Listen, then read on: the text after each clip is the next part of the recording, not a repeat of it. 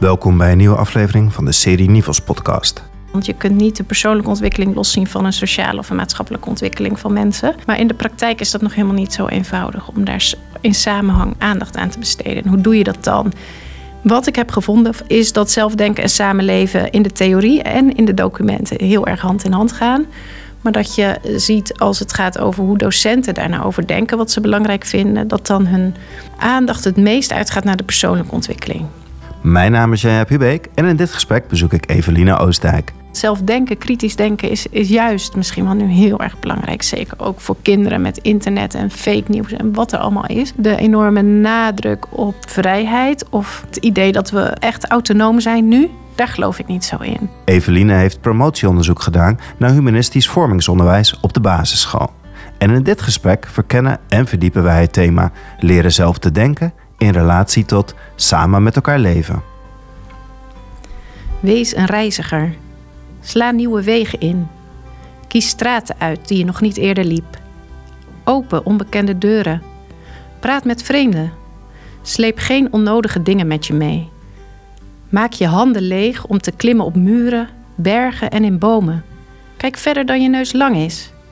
Spring in het diepe of hoger dan je de lat legt, maar spring. Welkom Evelien in de podcast van Nivels. Dankjewel. Kan je even vertellen wie ben jij en wil je dan eindigen met uh, waarom je dit stukje hebt gekozen, waar dat vandaan komt?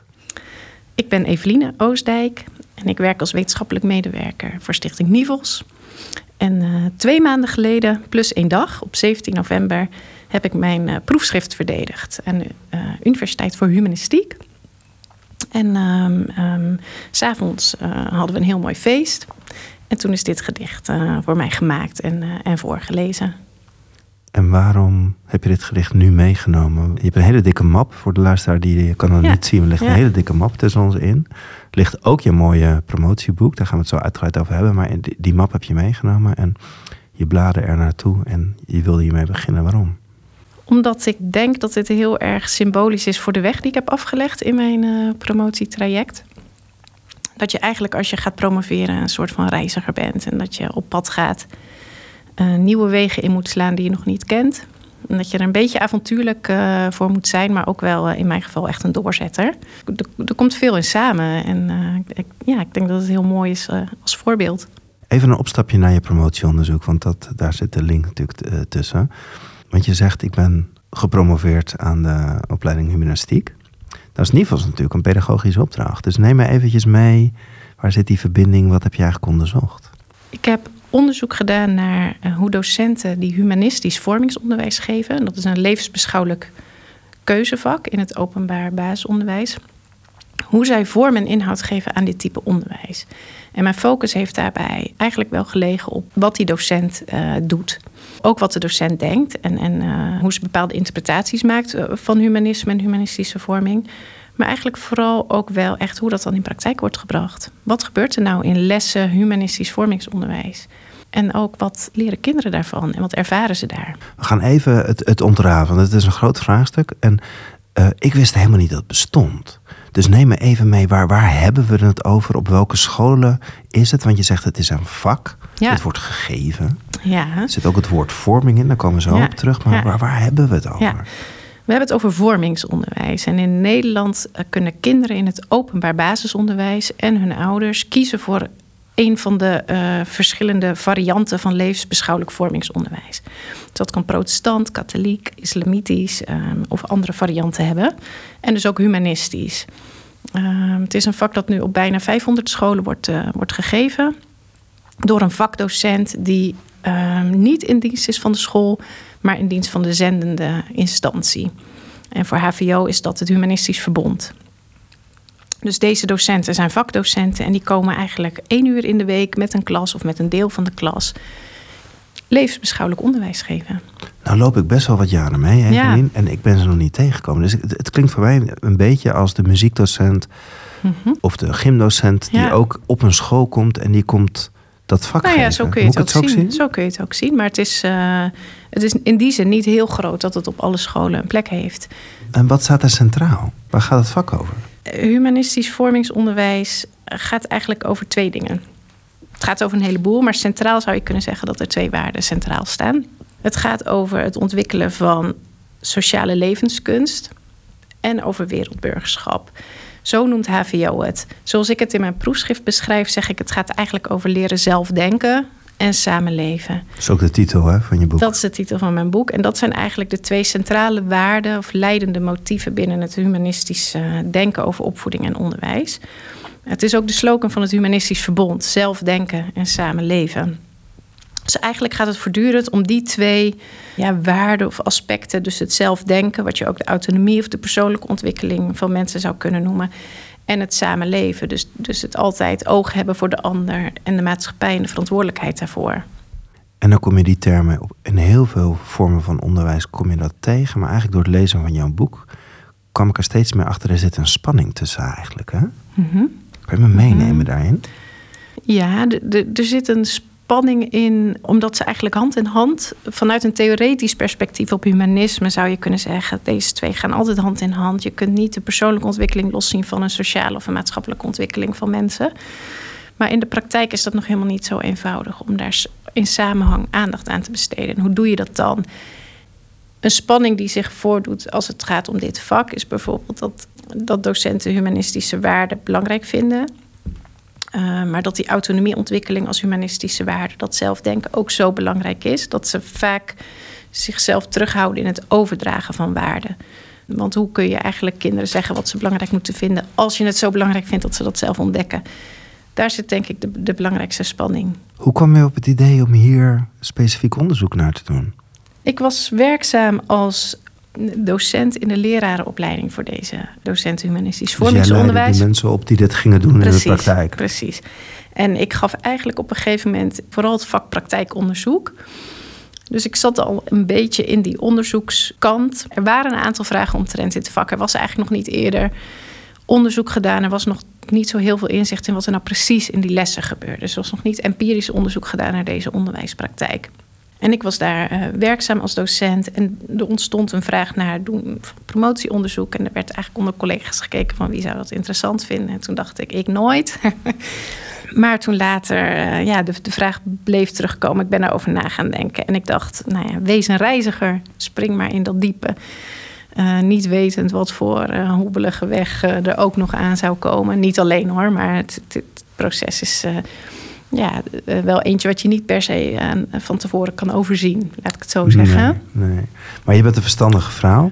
Je loopt er wat langer mee, maar je hebt heel bewust wel die keuze uiteindelijk gemaakt. Ik stap in. Wat was voor jou de kern of waar was jouw nieuwsgierigheid echt van dat je dacht van ja, ik ga dat wel doen. Ik ga dat aan, want je bent er een paar jaar mee bezig geweest. Ja, dat klopt. Wist je toen misschien nog niet, maar je had wel een verlangen, ik ga hierin duiken. Wat was dat? Ik wilde graag leren om ja, op een bepaalde manier over dit soort spanningen en, en thema's binnen het vormingsonderwijs na te denken. En ik dacht, zo'n promotieonderzoek biedt me misschien de kans om er boven te gaan hangen. En, het, en ook het veld, dus, hè, dus dat HVO heb ik onderzocht, maar bevindt zich in een breder veld van onderwijs, openbaar onderwijs, levensbeschouwing en religie in het onderwijs. En weer naar grotere kwesties als onderwijsvrijheid bijvoorbeeld. Hè, dus je kunt daar op allerlei lagen naar kijken. En dat leek me interessant om, om dat te leren. Dus om eigenlijk in en uit te zoomen eh, binnen een bepaald gebied, binnen een bepaald vakgebied. En ik denk dat dat wel is wat zo'n promotietraject je kan brengen. En had je ook meteen de, het perspectief, wat kan het bredere onderwijs hiervan leren?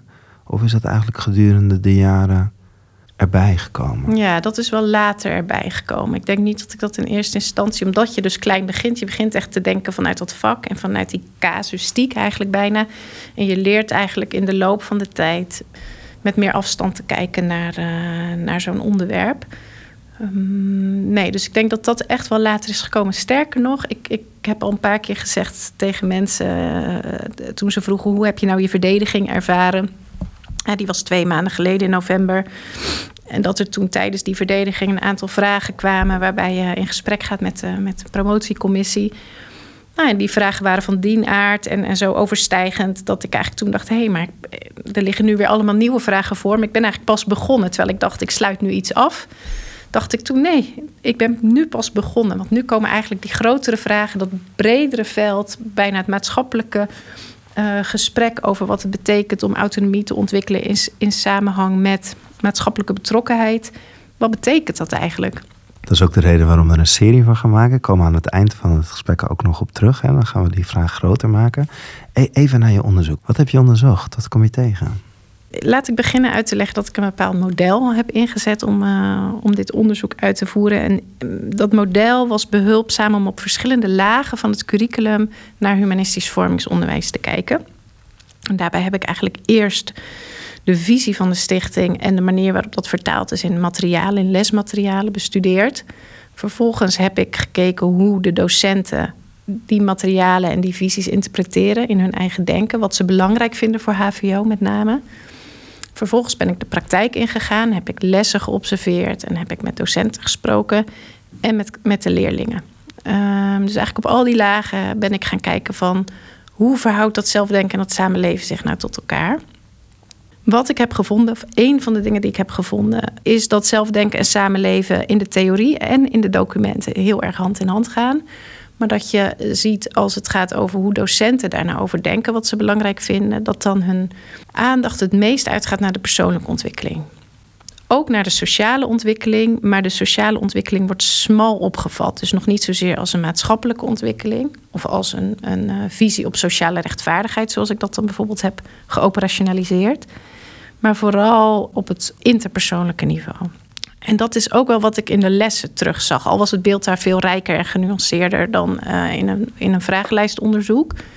Maar ook daar zag ik terug dat leraren HVO vooral aandacht besteden aan de ontwikkeling van autonomie. En dat ziet er dan uit als kinderen veel ruimte geven om eigen vragen te leren stellen, om hun keuzes te beargumenteren, om hun, mening te, uh, hun eigen mening te vormen.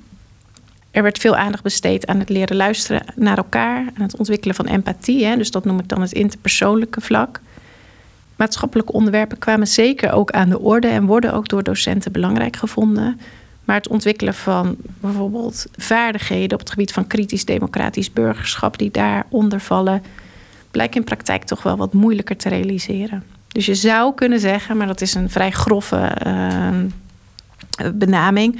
Maar dat het zelfdenken en samenleven in theorie eh, een, een heel stuk uh, samen oploopt. Maar dat het in de praktijk de samenlevenpoot toch een beetje wegvalt. Of in ieder geval onvoldoende aandacht krijgt, in mijn mening. Wat kreeg je daarop terug van de mensen die dat vak geven? Is dat, voelen ze zich daar niet altijd fijn mee? Of is dat beperkte tijd dat ze denken dit is het belangrijkste? Want dat zegt heel veel eigenlijk. Hè?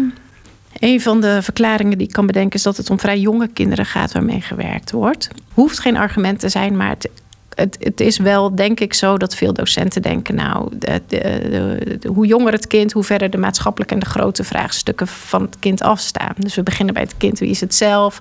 En dan wie is het in, in, in contact met zijn medeleerling of zijn eigen familie of gezin? En dan pas komen de maatschappelijke vraagstukken aan de orde dat ligt ook wel een beetje in de, in de theorie van, van de stichting. Um, dat je eigenlijk begint bij het kind, dan de ander, dan de wereld. Dus daar zit ook een soort chronologie. En misschien is het ook wel zo dat docenten het spannend vinden om over maatschappelijke onderwerpen te praten. Dat als je het dicht. Maar dat is een aanname, hè? dus dat zou, echt, uh, dat zou echt in gesprek gebracht moeten worden. Maar ik denk dat het misschien ook wel veiliger is om het dicht bij het kind te houden. En de emoties van het kind en de, de, de gevoelens en de persoonlijke ontwikkeling dan maatschappelijk gevoelige onderwerpen soms ook wel in de klas te brengen. Ja, want wat zag je dan weer terug in die, in die theorie daarover, of in de documenten of in het curriculum, wat aangeboden wordt eigenlijk? Wat, wat kwam je op dat deel dan tegen? Ja, dat het daar nog wel vrij uh, uh, parallel oploopt. Echt hand in hand? Jawel, ja. En werden er ook wel handvaten gegeven? Van... Ja, zeker. Er zijn allerlei themaboeken ontwikkeld, uh, ook over maatschappelijke, over, over democratie bijvoorbeeld, of over andere maatschappelijke onderwerpen. En die komen ook wel aan de orde. Uh, maar de nadruk, de, de, de focus ligt op de ontwikkeling van autonomie en de ontwikkeling van um, ja, persoonlijke keuzes leren maken. Dus die keuzevrijheid en vrijheid als waarde, als, als humanistische waarde, uh, heb ik als een dominante waarde teruggevonden binnen het denken en handelen van deze docenten. Wat, wat mij zo getriggerd heeft tijdens het lezen en ook op weg naar dit gesprek, is hoe kan je nou als, eigenlijk noem maar even vakdocent, op een school komen en juist aan die aan die waarde gaan werken van, de, van die persoon, die autonomie. Want dat is best lastig. Dat, je zou zeggen, dat, dat doe je de, gedurende de hele dag. Ik heb toch even het beeld, er komt een docent binnen en die gaat daarmee aan de slag en die gaat weer weg. En de leerkracht neemt het verder over. Mhm. Dus, mhm. dus, dus kan het eigenlijk ook wel in dat uurtje of in die anderhalf uur per week? Of... mijn onderzoek liet wel zien dat de context waarin dit vak wordt vormgegeven, hè, dus precies wat je zegt, het één uur in de week in de school komen, wel degelijk ook spanningen oplevert met de doelen die met het vak beoogd worden. En die liggen op dit vlak, maar die liggen misschien nog wel meer, meer op, het, op het vlak van het, uh, het, het samenleven omdat het niet alleen zo is dat die vakdocenten een uurtje uh, per week in de school komen, maar ook dat ze soms maar een deel van de klas uh, kinderen hebben, de kinderen die kiezen voor dit vak. Dus dat maakt het soms best wel moeilijk om bepaalde idealen uh, te verwezenlijken, die daar eigenlijk is, ja, in, in, contrast mee staan of een spanning mee opleveren. Want als, als docent ja. moet je je kinderen ook kennen. Moet je er ook een band mee hebben, wil je hiermee? Ja. ja. Want ik, ik, ik zie even voor me dat er ook kinderen in dezelfde klas zijn die kiezen hier niet voor. Ja, ja, dat zou je kunnen zien als een, als een uh, nadeel natuurlijk. Aan de andere kant kun je ook zeggen van... Uh, nou, dan heb ik dus een klein groepje kinderen... met wie ik een ander soort sfeer kan neerzetten. Een meer intieme sfeer kan, kan zetten... waar we persoonlijk met elkaar in gesprek gaan. En dat is op zich al van heel veel waarde dit zijn wel, um, wel docenten die echt met heel veel ja, betrokkenheid en bevlogenheid um, met die kinderen aan het werk willen gaan. Wat ik zo interessant vond in je proefschrift is ook hoe dat historisch zo ontstaan is. Je hebt je mm -hmm. een vrij interessant historisch perspectief mm -hmm. meegegeven. Mm -hmm. Kan je daar iets over vertellen? nou ja, het vak is eigenlijk ontstaan. Uh, ik geloof dat in 1979 voor het eerst humanisten een bijdrage gingen leveren aan het uh, levensbeschouwelijk vormingsonderwijs. Uh, dat heb ik inderdaad uh, beschreven hoe dat is ontwikkeld. Maar wat ik ook heb gedaan is eigenlijk proberen te laten zien waar de, waar de wortels van het denken over humanistische vorming uh, vandaan komen. En daarbij heb ik gebruik gemaakt van een boek van een Israëlische filosoof, die heet Nimrod Aloni. Die heeft eigenlijk vier tradities beschreven, wat we ook wel pedagogische tradities zouden kunnen noemen waarvan hij zegt: ja, dit zijn nou eigenlijk visies op humanistische vorming. En dat heb ik eigenlijk vrij grondig uitgewerkt. En dat heb ik ook elke keer gebruikt samen met perspectieven, of theoretische perspectieven op levensbeschouwelijke vorming en op burgerschapsvorming. Heb ik die drie gebieden eigenlijk uitgewerkt om ja, een soort bril, een soort kijkkader te ontwikkelen waarmee ik naar die lessen ben gaan kijken. Ja, en de tradities die, die Aloni onderscheidt zijn de klassiek culturele uh, stroming. Dat de, het, ja, het oude humanistische denken, zeg maar, wat, uh, wat in de tijd van de Grieken ontstond. Een romantisch-naturalistische visie op humanistische vorming. Dat wordt heel vaak in verband gebracht met, met Rousseau in eerste instantie, maar ook met allerlei vernieuwingsdenkers binnen het onderwijs, zoals Montessori, Freinet, et cetera. Um, dan is er meer een existentiële pedagogiek. En hij beschrijft een kritisch-radicale traditie, waarmee de, de kritische pedagogiek uh, een plek in heeft. En waarbij het sociale rechtvaardigheidsperspectief, het social justice perspectief, een, grote plek inneemt. En vanuit die vier tradities ben ik eigenlijk gaan kijken, nou, hoe zou je dat nou kunnen vertalen naar doelen die docenten HVO voor het vak HVO hebben. En heb ik ze ook in het vragenlijstonderzoek daarnaar gevraagd. Van goh, um, ik vind het belangrijk dat kinderen keuzes leren maken. Was bijvoorbeeld zo'n doel. Die paste voor mij dan weer in een van die tradities. En dan vroeg ik aan de, aan de, aan de leraren: hoe belangrijk vind je dit doel? En in hoeverre denk je nou dat je ook met jouw lessen HVO een bijdrage daaraan kunt leveren? En wat kreeg je terug? Ja, dat, daar kwam dus eigenlijk vooral uit dat, dat de doelen die belangrijk gevonden uh, worden, raakvlakken hebben of verbinding hebben met vooral de romantische traditie en de existentiële traditie. En dat zijn allebei tradities die klopt ook niet helemaal, want dat ligt ook veel rijker en genuanceerder. Dat kun je eigenlijk niet zo zeggen, maar ik zeg het toch. Meer verband houden met, uh, met, een, met een focus op het op de individuele ontwikkeling dan op het bredere maatschappelijke of social justice perspectief. Dus ja, op basis daarvan kon ik dus ook nou ja, zo doorredeneren en gaan concluderen dat, uh, dat de aandacht vooral op de zelfdenkenpoot zit. Dus het, eigenlijk de, de, de kern van, van jouw titel, hè? Uh, leren zelf denken, samenleven, wat, wat vraagt dat?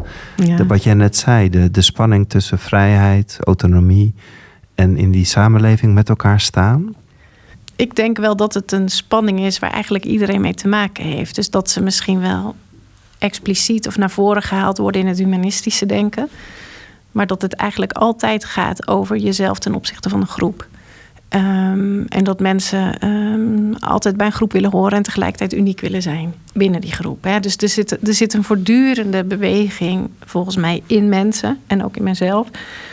Van hoe verhoud ik me tot mijn eigen unieke ik en tot dat wat, wat de groep denkt, maar ook wat de groep nodig heeft. En wat geef ik op? Misschien ook wel. Wat, nou ja, ik, ik, weet eigenlijk niet of dat een opoffering is, maar misschien zou je dat zo kunnen zien. Dat je jezelf altijd een stuk moet opgeven om je aan de groep te conformeren. Ja, ik, ik, ik zie het wel als een hele interessante spanning. En voor mezelf, ik, ik ik ben geneigd om te zeggen dat wij als samenleving, misschien ook de tijd waarin we leven, wel te veel nadruk leggen op de zelf, nou niet de zelfdenkenpoot, dat moet ik goed zeggen, want zelfdenken, kritisch denken is, is juist misschien wel nu heel erg belangrijk, zeker ook voor kinderen met internet en fake nieuws en wat er allemaal is. Maar de, de enorme nadruk op vrijheid of het idee dat we, dat we echt autonoom zijn nu, daar geloof ik niet zo in. Um, dus, en dat is misschien wel iets waar ik ook kritisch op, op ben en mm, deels ben in mijn proefschrift. Um, dat die waarde van vrijheid, zoals die door humanisten meestal wordt ingevuld, ja, ook, ook wel bekritiseerd of in ieder geval bevraagd mag worden. En dat gebeurt ook hoor, door, door heel veel mensen. Maar ik denk dat het een illusie is dat we vrij zijn. Ja, dat kan je eigenlijk niet zeggen als humanist. Maar ik vrees toch dat, dat, ik, daar, dat ik daar inmiddels wel een beetje op ben uitgekomen. dat, we veel meer afhank, dat we veel afhankelijker zijn van anderen. En ook, hoe, en ook dat het idee dat hoe we onszelf ontwikkeld hebben, dat we dat helemaal aan onszelf te danken hebben. En dat het onze eigen individuele keuzes zijn. Ik, ik denk niet dat dat zo is. Kan je dat een beetje duiden met voorbeelden van dingen die je ziet of waar we dat in herkennen?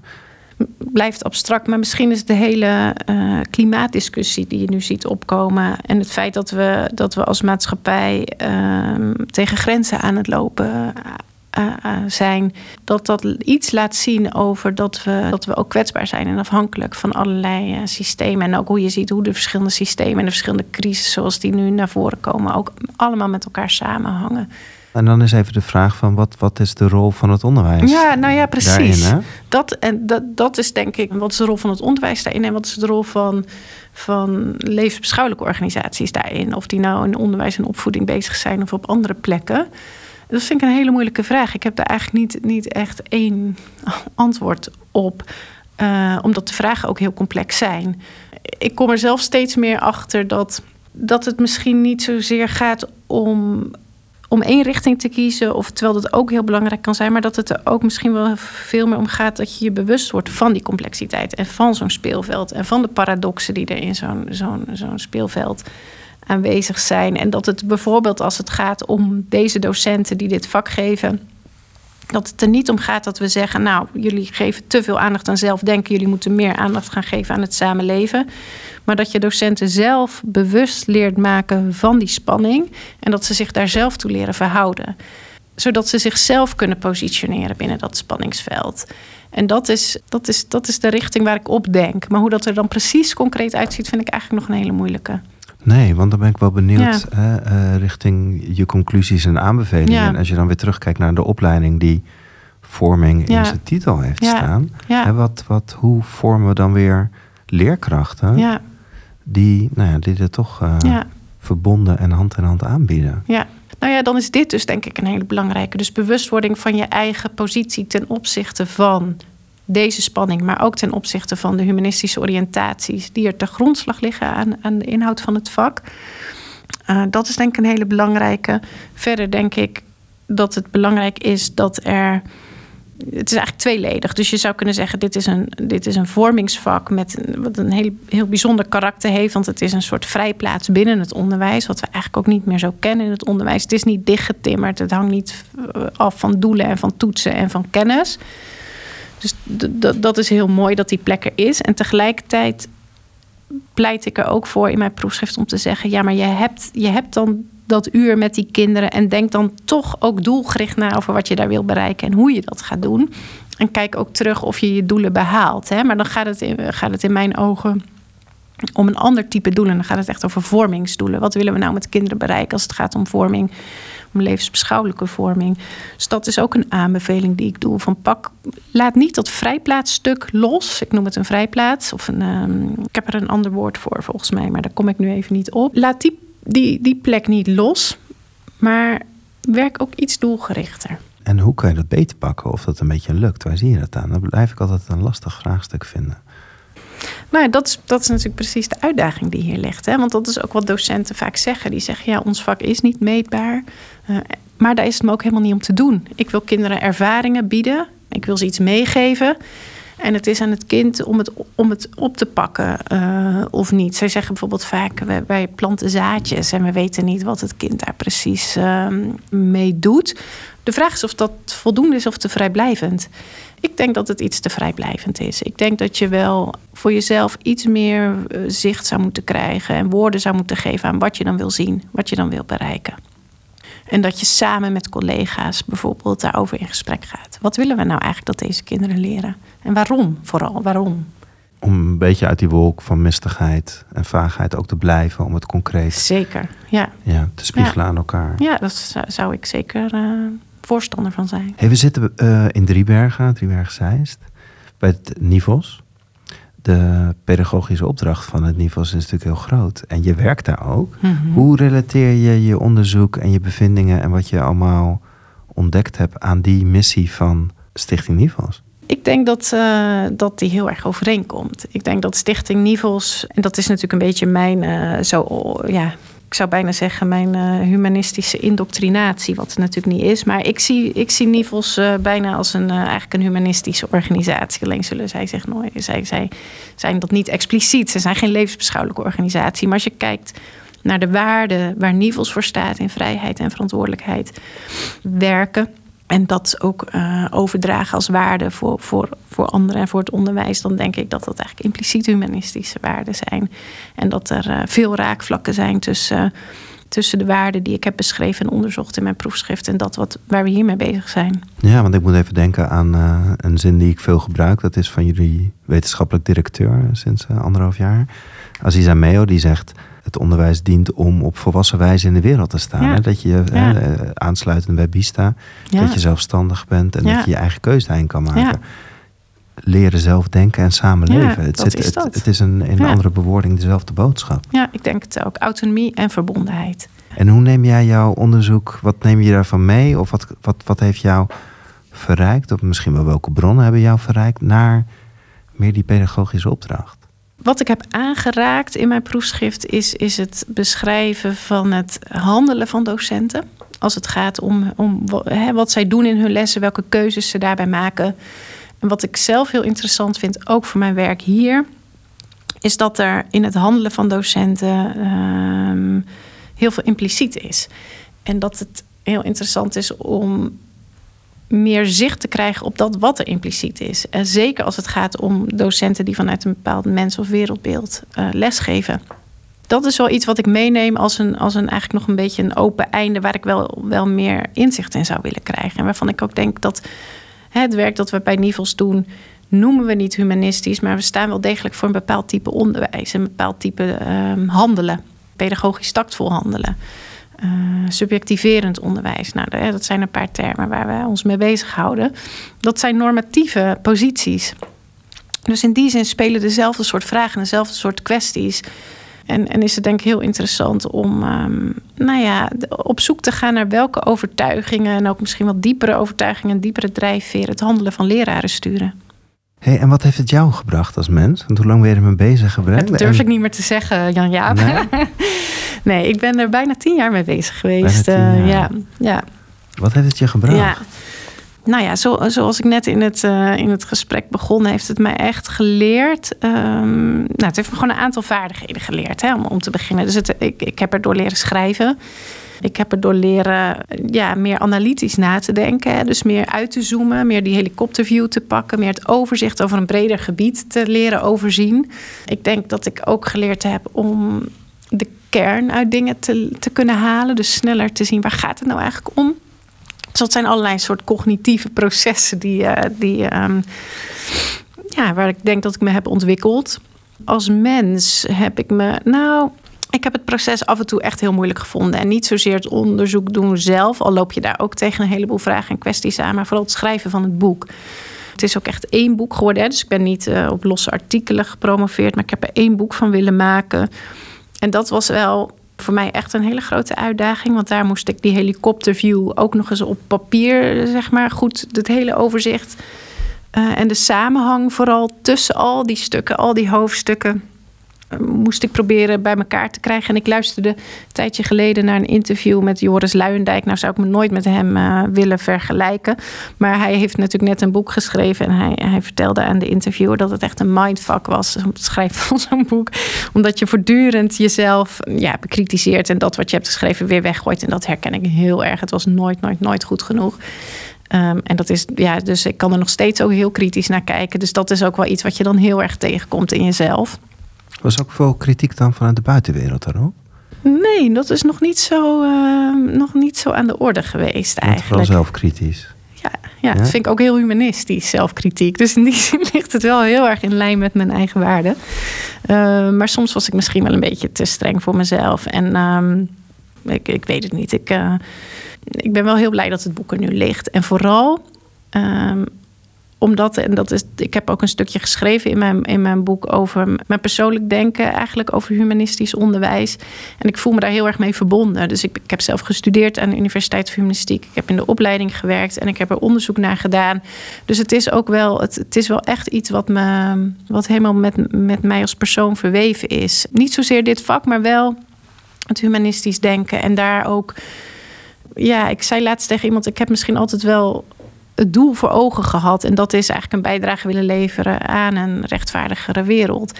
En het vak HVO zou daar een heel klein steentje in het grotere bouwwerk van kunnen zijn. Dus het is eigenlijk wel gedreven door een groter ideaal. En omdat ik dat grotere ideaal heb en, en altijd voor ogen heb gehad, kon ik het afmaken. Omdat ik wist van nou daar doe ik het voor. Ik wil iets in de wereld zetten wat, waarvan ik denk dat het bijdraagt aan, uh, aan iets goeds.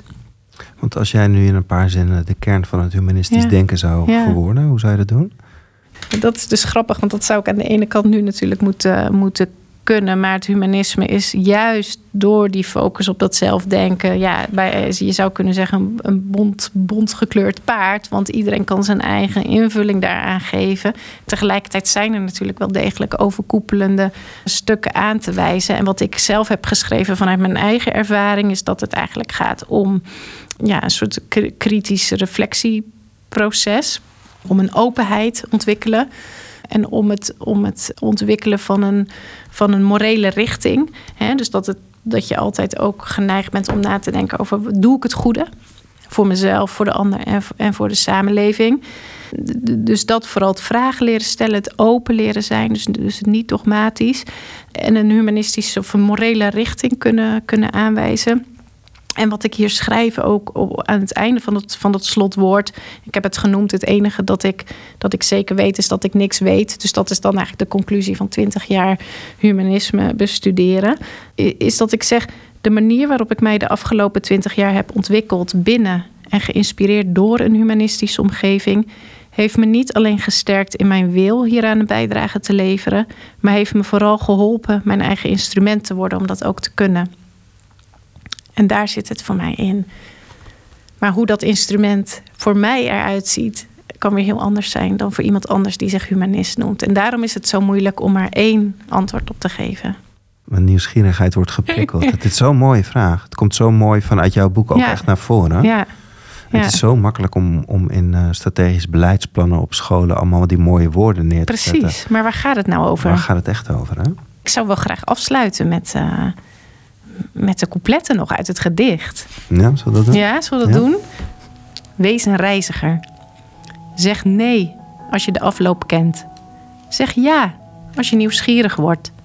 Raap de mogelijkheden bij elkaar. Stop ze in je broekzak als proviand voor onderweg. Kies met je hoofd of met je hart. Kies zonder aarzelen, blindelings, rukzichtloos, maar kies. Wees een reiziger Waai met alle winden mee. Loop in zeven sloten tegelijk. Raak steeds verder van huis. Laat jezelf verdwalen. Let niet op de tijd. Let nooit op de tijd. Blijf langer dan gepland. En vertrek voordat iets onwrikbaar vast ligt.